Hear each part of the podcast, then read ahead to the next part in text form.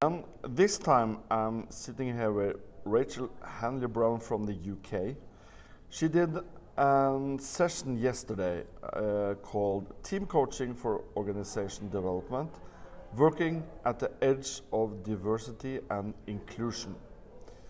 So now I have to ask you, Rachael, what, what's the topic about? Can you short?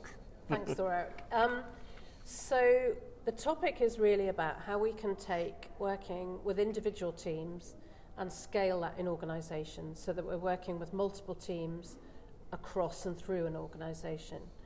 Uh, and the reason that we, we're looking at that is because all research and teams suggests that people are members of more than one team.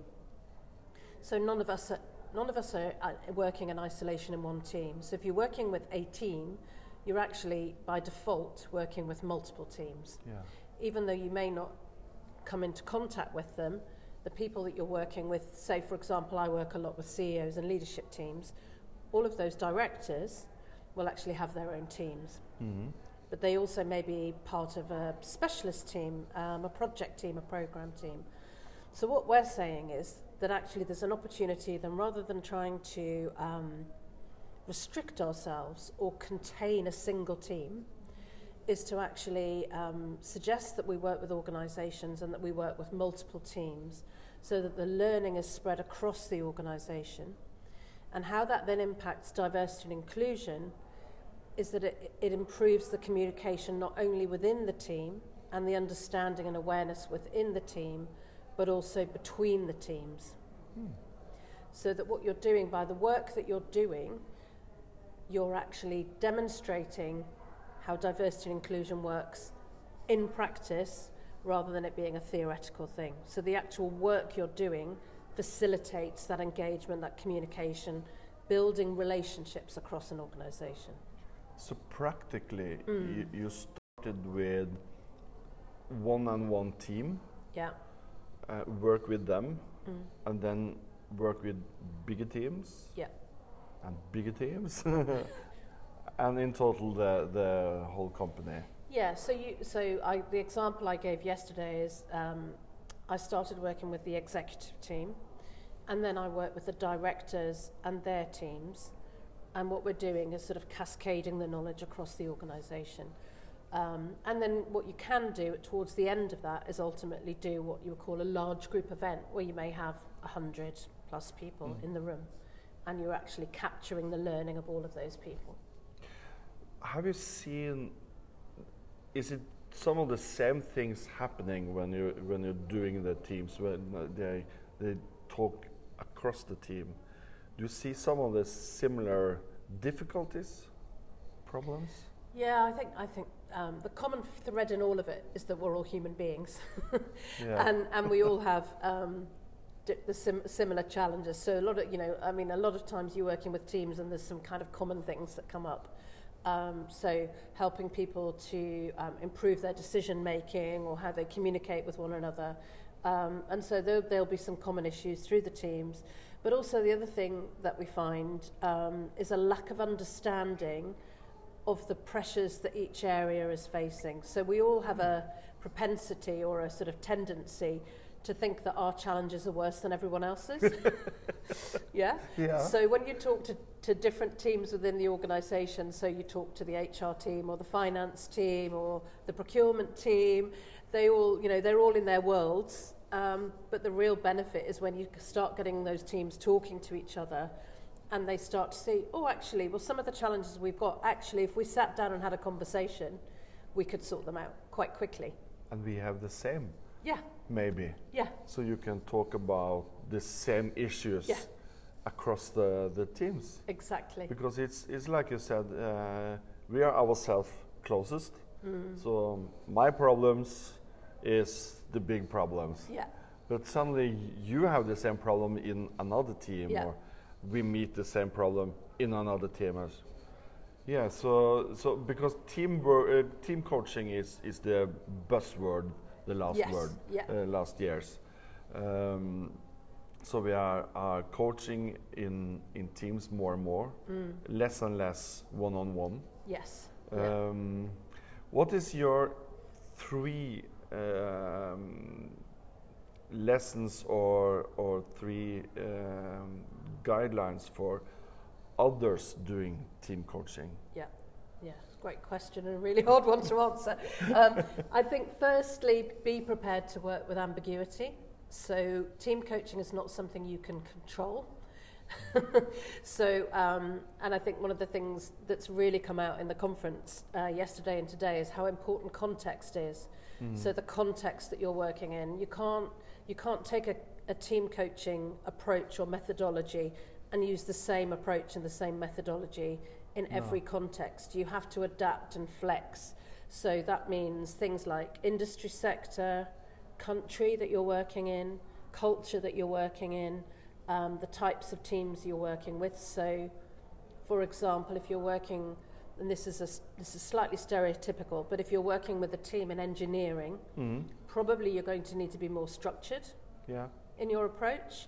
Um, And then if you're working with a creative team, for example, you might need to be much more um, artistic and fluid and, and come up with some more kind of innovative ideas and how you work with them. And that's, uh, that's a bit stereotypical, but just kind of helps to explain. So I think being, being comfortable with ambiguity and being able to flex your style depending on the context. I think the other thing that's come up that's really important um, from a coach point of view is supervision. Oh. Um, so having um, either a group or a, a supervisor who specialises in team coaching because the challenges that come up in team coaching are unique to team coaching. They're very, very different from executive coaching. Yeah. Um, mm. And then I think the third thing is um, is the um, awareness that this is a process that takes time.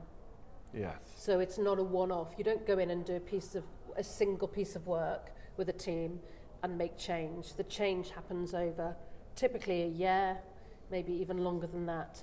And very frequently, the team you start with is not the team you end with. They can shift people. Exactly, yeah. yeah. So, so um, and actually, a lot of the learning happens once you've left because that's when the team starts to be um, self managing and coaching themselves and they've built that awareness um, and they've built that connectivity with other teams. So actually, that's when the magic happens after you've left, quite often. so, so when you approach uh, a new client, mm. you set up a, a, time frame. Yeah. And it's really important to have the the acknowledge from the leaders, from the CEOs and yeah. the CEO group, because you're going to be there for a while. yeah. yeah. yeah. and typical you you run the project for maybe a year. Yeah. Uh, do you in your time frame and in the cost structure? Yes. Do you put in I will be back. I will be back in a year to see how it's going. Do you put that in or is it a you're free as a bird, off fly, off you go. yeah, so this is um, so this actually builds really nice, nicely on a piece of research I did about endings and team coaching, mm. uh, which I published in 2021. So I think some of the relationships end, but some of them don't. So typically, your work with the team will end, and as I've said, the team that you leave anyway probably won't be the same team if you came back in a year. Maybe some of them would still there, but as you know, people move around and yeah. a lot more in organisations than they used to. So it may still be in the same organisation, but typically, um, in my experience, you often retain the relationship with the CEO or the leader, and you kind of check in with them in the future. Yeah. But there's not, I don't think that's a necessity. But it's often you've built such a close working relationship with them. Yeah. There's kind of a, a, desire to know how things are going and what's happening. So it's, a, it's an option for them. Yeah, exactly. And sometimes you may even um, coach the leader as well in the future, or you may coach yeah. individuals once you've finished coaching the t- doing the team coaching as well. Um, or you may you may stay in touch with your sponsor, who could be the HR person who's brought you in. Um, or you may coach other teams, and like I said, if you're coaching multiple teams, you may still be working in the organisation anyway. Yeah, so because that's quite important mm. because you're doing a, a, lot of work, and, and at least the coachee is also mm. doing a lot of work, mm. and just off you go. It's a bit. Uh, it, I don't know. You yeah. have to check in, as yeah. you said. You have to yeah. check in. And I think you have to prepare the team for the ending as well Yeah. So you know, part of part of what I do is actually we work together on. Okay, so this is our final set. This our final session is an X date. So Mm. then we work together to kind of prepare and get ready for that, and they know that I'm going. So it's not, it's a, it's an elegant ending, hopefully. Okay, so no, it's not. I'm not coming tomorrow. Yeah, exactly. well, sometimes that happens, but not through choice. Yeah. you know, things change in organisations. It yeah. really does. Yeah. It really does. Um, during this conference, Mm. what do you bring with you home? You're Yeah. leaving in Yeah. soon, a couple Yeah, of hours. What do you bring home from the conference? um, how what brilliant work people are doing. So it's been you know it's been fabulous to hear people's experiences and, and knowledge and all the things that they've shared. Um, I think the fact that team coaching is still in its infancy, so I think it's got a long way to go. And kind of part of what we're doing is bringing that is raising the conversation at an organisational level rather than at, at just purely at a team level. Hmm. I think, and also there's so much more research to be done in that space. yeah. Um, it's, we're really, really short of evidence-based research. Hmm. Yeah, research is more and more important, uh, and that's what one of the things I think EMCC is doing really Yeah. great. That's why I become a member Yeah. of the EMCC because of the research.